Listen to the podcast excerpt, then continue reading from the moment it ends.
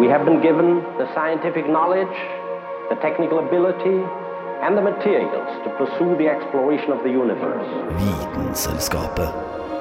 Stedet der vitenskap møter underholdning. Ignition sequence start.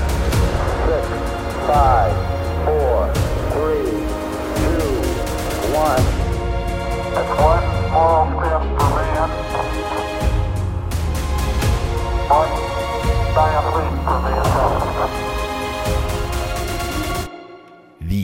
Vitenselskapet. På Radio Nova. Hei, velkommen til denne utgaven av Vitenselskapet, hvor Anna skal fortelle om en oppdagelse, eller skal vi si en åpenbaring, som hun har eh, fått. Ja. Eh, Vi skal nemlig snakke om planter som skifter farge, og planter som utnytter andre. Eh, Det er rett og slett plantenes verden. Eh, Og som de har for vane å gjøre, så dukker det plutselig opp en sopp eller to. I studio med meg så har jeg Anna Vike Rødseth Hallo! og Jonathan Malberg. Hei, hei. Og jeg heter Kristin Grydland. Du hører på Vitenselskapet. Du hører på Vitenselskapet.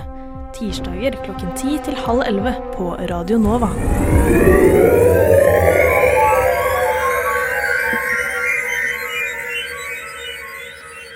For eh, du Anna, du var veldig entusiastisk når vi hadde redaksjonsmøte, eh, fordi du hadde oppdaga noe. Eh, Kan ikke du fortelle hva det var du hadde oppdaga? Ja, det skal jeg gjøre. Jeg skal prøve å være like entusiastisk nå som jeg var da jeg fortalte denne åpenbaringen jeg oppdaget i sommer.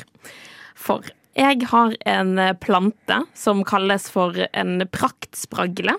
Okay. Eller koleus, som den heter litt finere, da. Og den eh, planten her ser egentlig ganske sånn anatomisk ganske standard plante med blader og sånn. Men den har også em, litt sånn Den er grønne blader, men så er det liksom prikker med rosa og litt hvit og litt lilla. Ja, okay. Det er, det er en veldig sånn moderne plante nå. Det er veldig mange som har den. Ja. den Enkel, er- enkel i drift og Veldig enkel i drift, og, ja, og den heter jo praktspragle. Og jeg tenk, det må jo være fordi at den ser veldig praktfull ut, for den er veldig sånn uh, Hello! Og kanskje den er praktisk Ja. også? Det er den absolutt, fordi den har aldri hatt en enklere plante å eh, jobbe med noensinne. Jeg visste ikke at jeg var interessert i planter før jeg fikk denne praktspråken. Fordi det som er greien med denne her eh, planten Jeg har alltid hatt eh, denne praktspraglen på liksom ett spesifikt sted i leiligheten der jeg bor. eh, der den får eh, sånn indirekte sollys. Viktig. Og da har han bevart sin eh, farge med grønne blader og litt sånn dash av rosa og lilla og hvit. Ja. Og så har jeg opp gjennom tiden tatt av stiklinger, sånn at eh, min moderplante kan spre sine gener, som jo alle, alle organismer i denne verden har lyst til å gjøre. Og så ga jeg en stikling til kjæresten min, Emil. Og han eh, tok denne planten i vinduskarmen, der han da får direkte sollys. Ja. Fordi noen planter skal bare ha indirekte, og Ja. noen skal bare ha direkte. Ja. Jeg vet ikke helt uh, hva denne her egentlig skal ha, men den lever uansett. Overalt i leiligheten. Uansett. Men det jeg oppdaget etter noen uker, når denne praktspraglen til kjæresten min hadde vokst seg eh, litt eh, i størrelse, så var det ikke et snev av grønt på bladene. Den er altså fullstendig rosa og lilla, og det er ikke noen form for grønt pigment i den planten. Så den er genetisk lik, men den ser helt annerledes ut? Den ser helt annerledes ut. Og det her var jo eh, veldig fascinerende, så da måtte jo jeg gjøre et lite kontrolleksperiment med min praktspragle. Så jeg tok min praktspragle eh, nærmere vinduet, der han fikk mer direkte sollys. Og da de nyeste bladene som kom, Rosa? rosa og lilla. Hæ? Ikke et snev av grønt. Ikke et Ah, snev så av grønt. da. Så nå ser han litt sånn Nå er han sånn grønn på bånn, og så er han eh, rosa i toppen. Så det er partyplante nå. Oh, wow. Ja. Og det her er jo eh, Ja, det syns jeg var veldig fascinerende. Og da eh, måtte jeg prøve å finne ut hvorfor, uh, hvorfor skjer dette her. Man har aldri hørt om det her før. Nei, nei.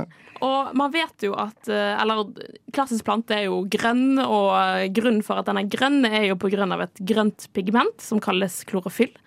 Og det her er jo også fotosyntesen skjer og gjør at vi kan leve sånn som vi gjør. Og man har jo også sett at utover høsten så blir jo plantene mer gul og oransje. Så vi vet jo at det er jo eh, andre pigmenter til stede i bladene også. Og det må jo være også eh, i denne praktspargelen også. Eh, og det er det. det er, siden den er grønn, så er den også, har den også klorofyll i, naturligvis. Eh, men så har han også en, eh, et pigment som heter eh, antocyanin. Og det er dette som er liksom det rødrosa fargepigmentet, da. OK. Ja. Men hvorfor er det sånn da at jo mer sollys denne praktsparkelen får, jo mer Uh, lilla og rosa blir han? Altså, spør du fordi du lurer på, eller er det sånn retorisk spørsmål? Det, det dere kan svare hvis dere eh, har lyst. Det er, jeg, det er, jeg, jeg, jeg velger å si pass, jeg, på den. Pass. Da kan jeg si at uh, det er så enkelt som at uh, jo mer sollys den får, jo mer varme får jo bladene, og jo mer på en måte eh, liksom varme og eh, Så det eh, skjer liksom en kjemisk reaksjon der, da. Ja, men dette antocyanin, som dette pigmentet heter, er der på en måte for å beskytte bladene for overopphetning. Som en naturlig solbrille. Som en solbrille eller Den, den skaffer seg solbriller. Ja, det er akkurat det han gjør, og det er jo eh, Ja, og de solbrillene er jo praktfulle, må jeg si. Ja, for det blir siste ord, tenker jeg. Et lite ordspill der.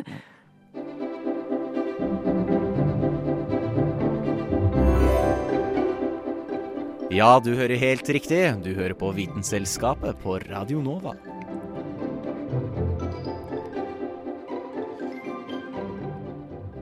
Når jeg sier ordet parasitt, tenker man kanskje på igler, insekter eller bakterier, men de kommer i enda flere former enn det.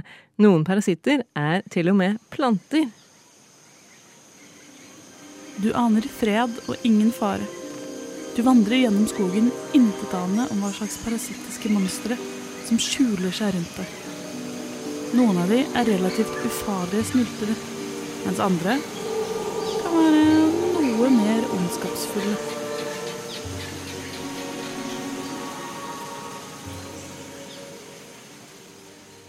Det som du kanskje tenker på som koselige planter omkring i naturen, kan nok fort være noe mer parasittiske enn du tror.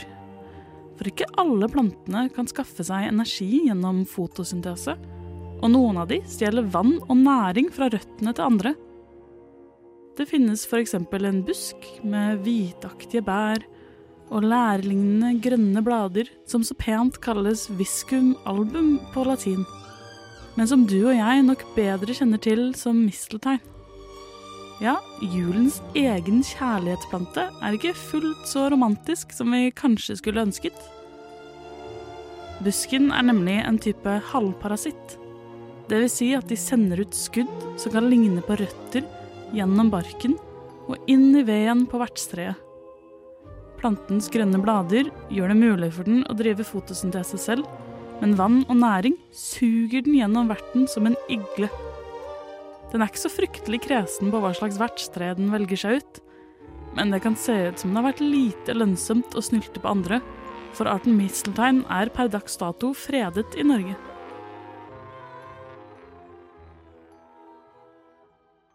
Mistelteinen er ikke den eneste julerelaterte planten som er parasittisk heller. Det australske juletreet, som har fått navnet sitt fra området og sesongen det blomstrer i, har også røtter som snylter seg til næringa fra andre planter i området rundt.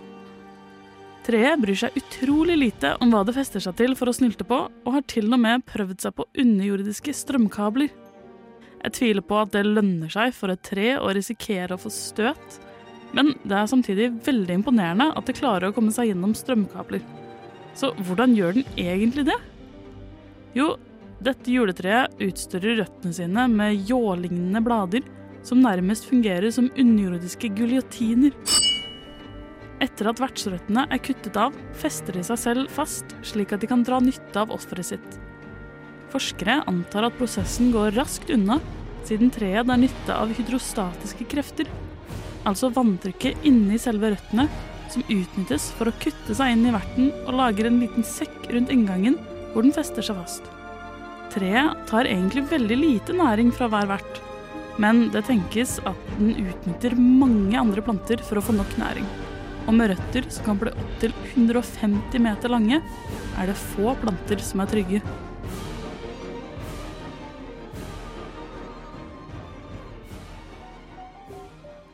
Til slutt, hvis du som meg har spilt mye Animal Crossing, er du kanskje kjent med planten som vi for enkelhetens skyld kaller for likblomst, pga. dens himmelske lukt. I spillet er den et tegn på at du har latt det bli altfor rotete på øya di, men heldigvis oppstår den ikke i stua når det er like rotete, for den er ikke spesielt koselig. Den opptrer som en stor rød blomst på omtrent én meters omkrets og kan veie opp mot 11 kilo. Dette er heller ikke en av de mest romantiske plantene, for den har nemlig en tendens til å lukte av råttent kjøtt for å tiltrekke seg fluer og andre insekter som den selv kan spise på. Den har heller ingen blader og kan ikke drive med fotosyntese. Men det stopper så klart ikke denne smarte planten, som faktisk vokser fra innsiden av røttene eller stammene til andre planter, og har derfor ikke en vanlig struktur som ligner på andre blomster i det hele tatt. Den minner kanskje heller om en utenomjordisk parasitt man helst vil holde seg unna.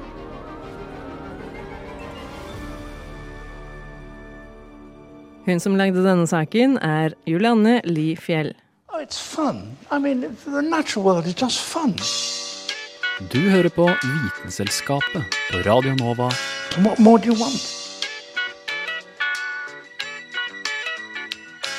Eh, tidligere i høst så var det et litt sånn eh, spennende fenomen, kan man kanskje si, eh, i Botanisk hage her i Oslo. Eh, som det var en del som eh, fikk med seg. Eh, og du har undersøkt dette litt nærmere, Jonathan. inn i den saken her.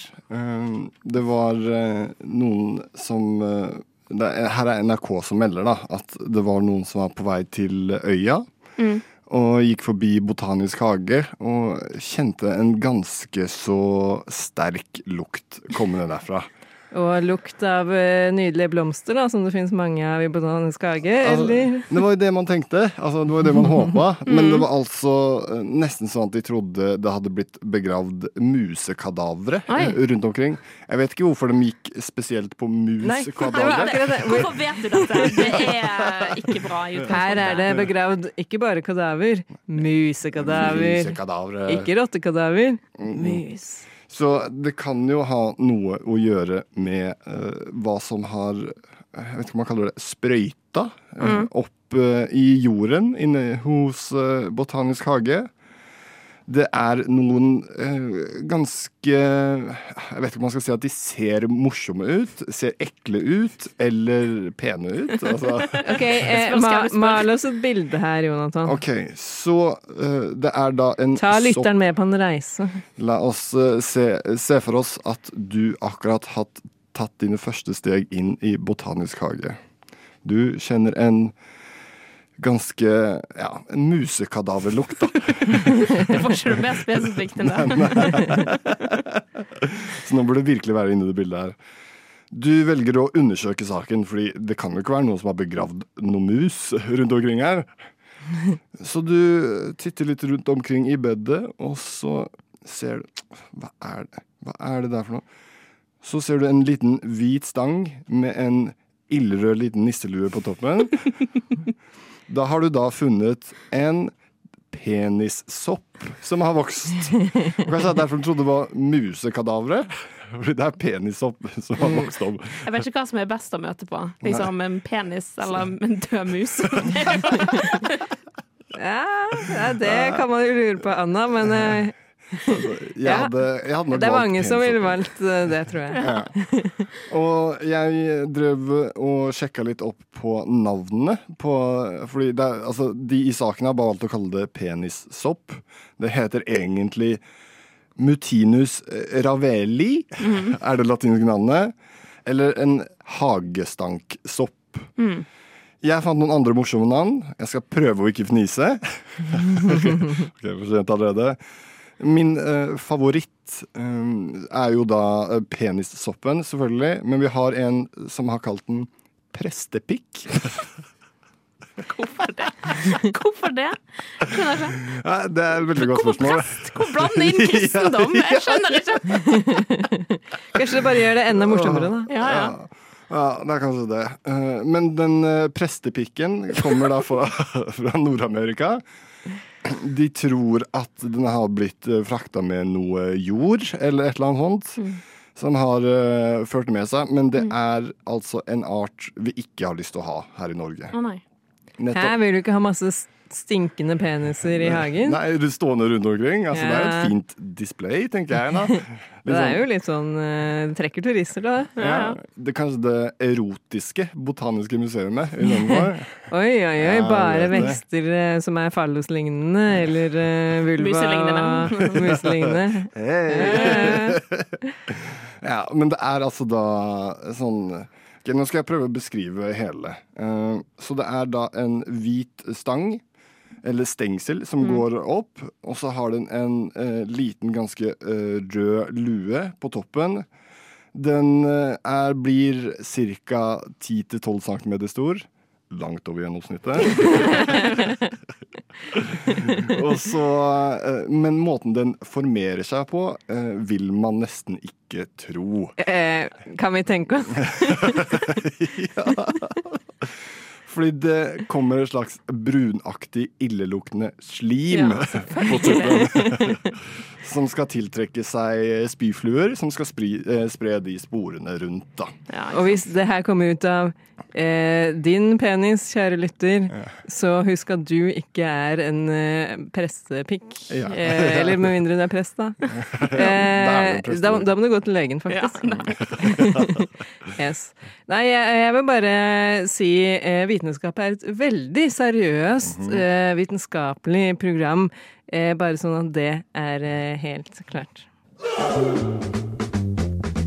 Vitenselskapet. Vitenselskapet på Radio Nova.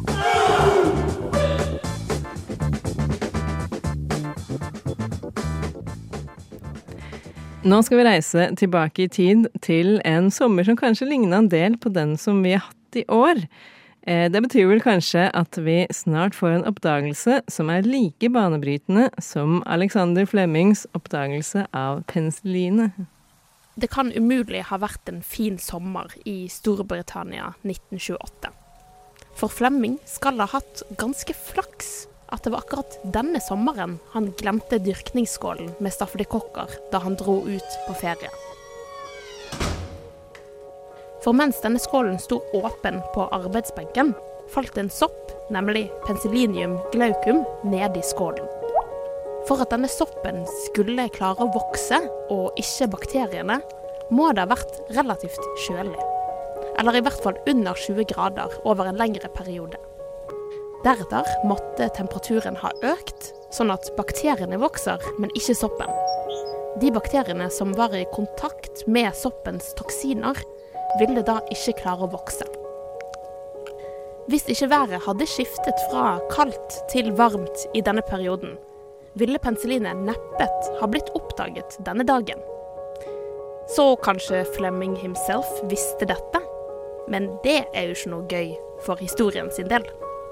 Flaks eller ei, oppdagelsen av penicillin, altså toksinene som denne soppen skilte ut, og antibiotika generelt, er trolig en av medisinenes største suksesshistorier. Det tok litt tid fra observasjonene til Flemming før storproduksjonen var i gang. Han klarte aldri selv å rense eller produsere store nok mengder for å ta det i bruk. Men med hjelp fra andre, og også andre verdenskrig, fikk penicillin rollen som et mirakelmedisin. Penicillin og andre antibiotikum fungerer ved at de hemmer veksten av bakterier. Dette kan være på ulike måter. Penicillin fungerer ved at den forstyrrer dannelsen av ulike proteiner bakteriene trenger i celleveggen sin. Våre egne celler har ikke en sånn cellevegg, så det er bare bakteriene som blir påvirket av dette. Tiden mellom etterkrigstiden og ca. 1970-tallet er betegnet som antibiotikaens gullalder. Det var i denne perioden flere typer antibiotika ble oppdaget, og som fortsatt er i bruk den dag i dag. Etter dette hadde man på en måte nok, og legemiddelindustrien prioriterte andre medikamenter. Men nå står vi ovenfor et problem. For da antibiotikaen først kom, bygget vi hele helsevesenet rundt dette. Og nå har vi blitt totalt avhengig av det. Én ting er at vi får det når vi faktisk har en bakterieinfeksjon. Men vi får det også for å forebygge, f.eks. etter en operasjon. Vi bruker antibiotika også mye i dyreoppdrett, og man gir det ut over en lav sko. Problemet med overforbruk av denne typen medisin er det at bakteriene over tid kan bli mindre følsomme for antibiotika. Alle levende organismer har jo et hovedprosjekt, og det er å overleve sånn at de kan føre genene sine videre til neste generasjon. For å klare dette så må man tilpasse seg miljøet man bor i. Når vi mennesker har brukt så mye antibiotika som vi har gjort, og som vi fortsatt gjør, klarer noen bakterier å tilpasse seg dette miljøet. De endres og arvestoffet deres muteres sånn at de kan bli resistente. For en bakterie med resistentgener er ekstremt fordelaktig. Fordi da kan de overleve enhver antibiotikakur og fortsette å vokse. For oss mennesker derimot kan det bli krise. Og krigen mellom oss og mikrobene kan sakte, men sikkert komme tilbake.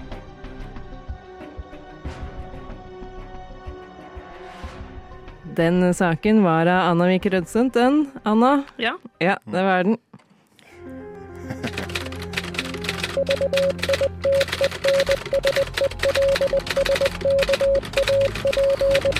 Just want to tell you both good luck. We're all counting on you. И пусть посмеются над своими страстями. Ведь то, что они называют страстью, на самом деле не душевное. Vitenselskapet А лишь трение между душой и внешним миром. knekker vitenskapens koder. Tidligere i sendinga så snakka vi om praktspragle som skifta farge i lyset.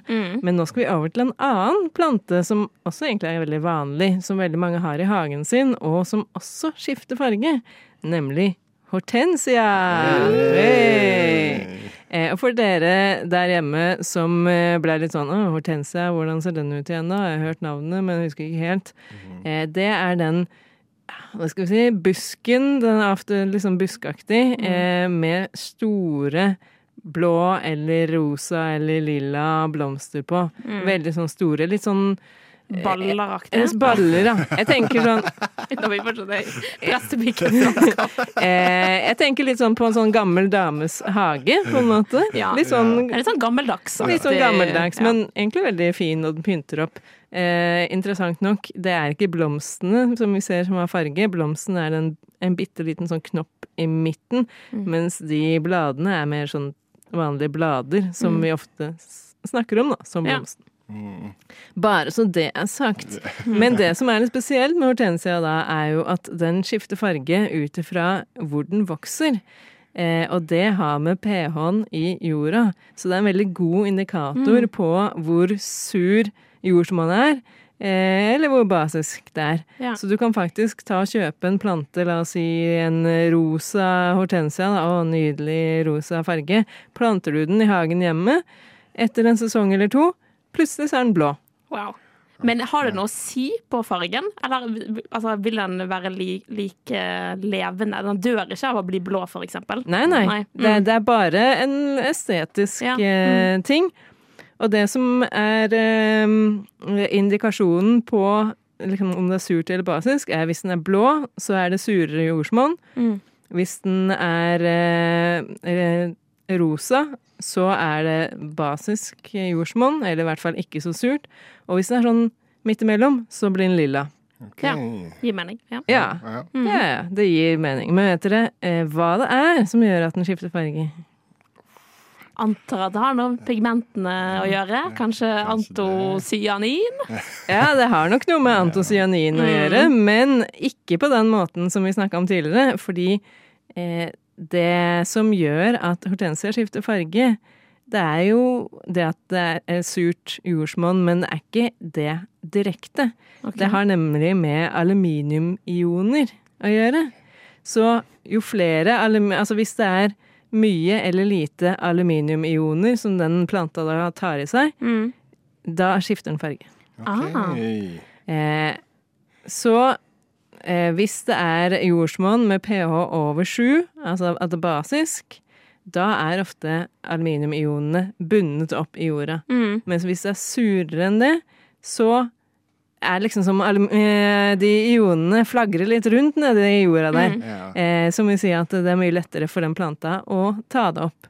Så den blir blå når den får mye aluminiumioner og klarer å fange opp det her, da. Ja. Jeg regner med at eh, altså, Si du har lyst på blå, blå sånne blomster.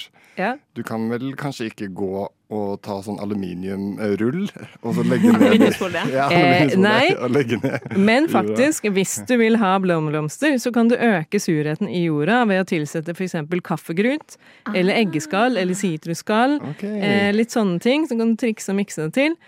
Og da tar det litt lang tid, da. Det tar kanskje en sesong, kanskje det tar to sesonger. Ja. Eh, det må liksom gjennom røttene, og så må du Ah. ut i bladene og sånt. Så hvis du vil jukse, så kan du gjøre det sånn som noen eh, forskere har gjort, hvor de har laget en slags sånn spray med aluminiumsioner.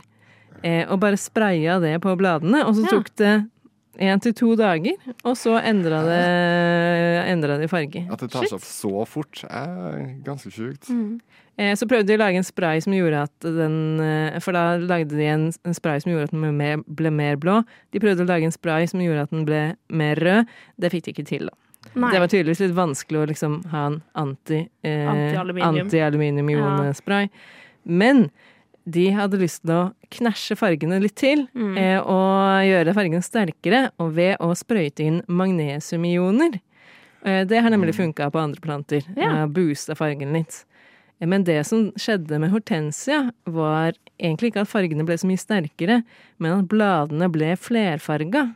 Så Ah. fikk blader som var både blå, røde og hvite på en og samme gang. Wow. Det har blitt en praktspragle. Yeah. Det blei en praktspragle. Utrolig. Gikk fra én art til en annen.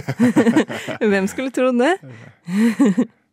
ja, så det er ganske mye spennende man kan gjøre med planter, og faktisk påvirke liksom samfunnet rundt oss. Men uh, man må kunne litt kjemi, og så må du ha litt tålmodighet. Fordi det er tross alt levende vesener, eller planter, vi snakker om her.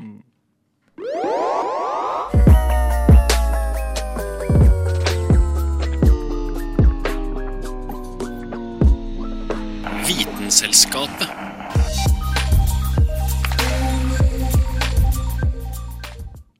Det var alt vi hadde i dagens utgave av Vitenskapet. Vi har snakka om både planter og sopp, som ikke er det samme. Nei, det er ikke det samme. Det er veldig viktig. Eh, så da vil jeg oppfordre alle til å gå ut i skogen, se etter litt eh, sopp. Kanskje du finner en som er forma som en fallos. Mm. Eh, og hvis det ikke er sånn som du er så glad i, så tenker jeg at du kan eh, høre på mer Vitenskapet og Ja. bare sitte inne og kose deg. Fordi vi er til stede på egentlig de fleste kanaler, og i hvert fall der hvor du finner din podkast. Og selvfølgelig på Radio Nova. Med meg i studio så har jeg han. Anna Vik Redseth. Og Jonathan Malmberg. Mitt navn er Kristin Grydland, og du har hørt på Vitenselskapet.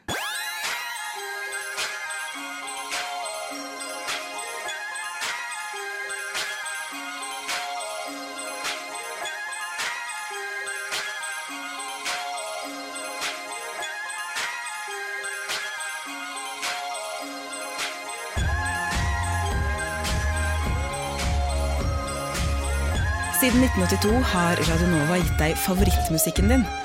Før du visste at du likte den.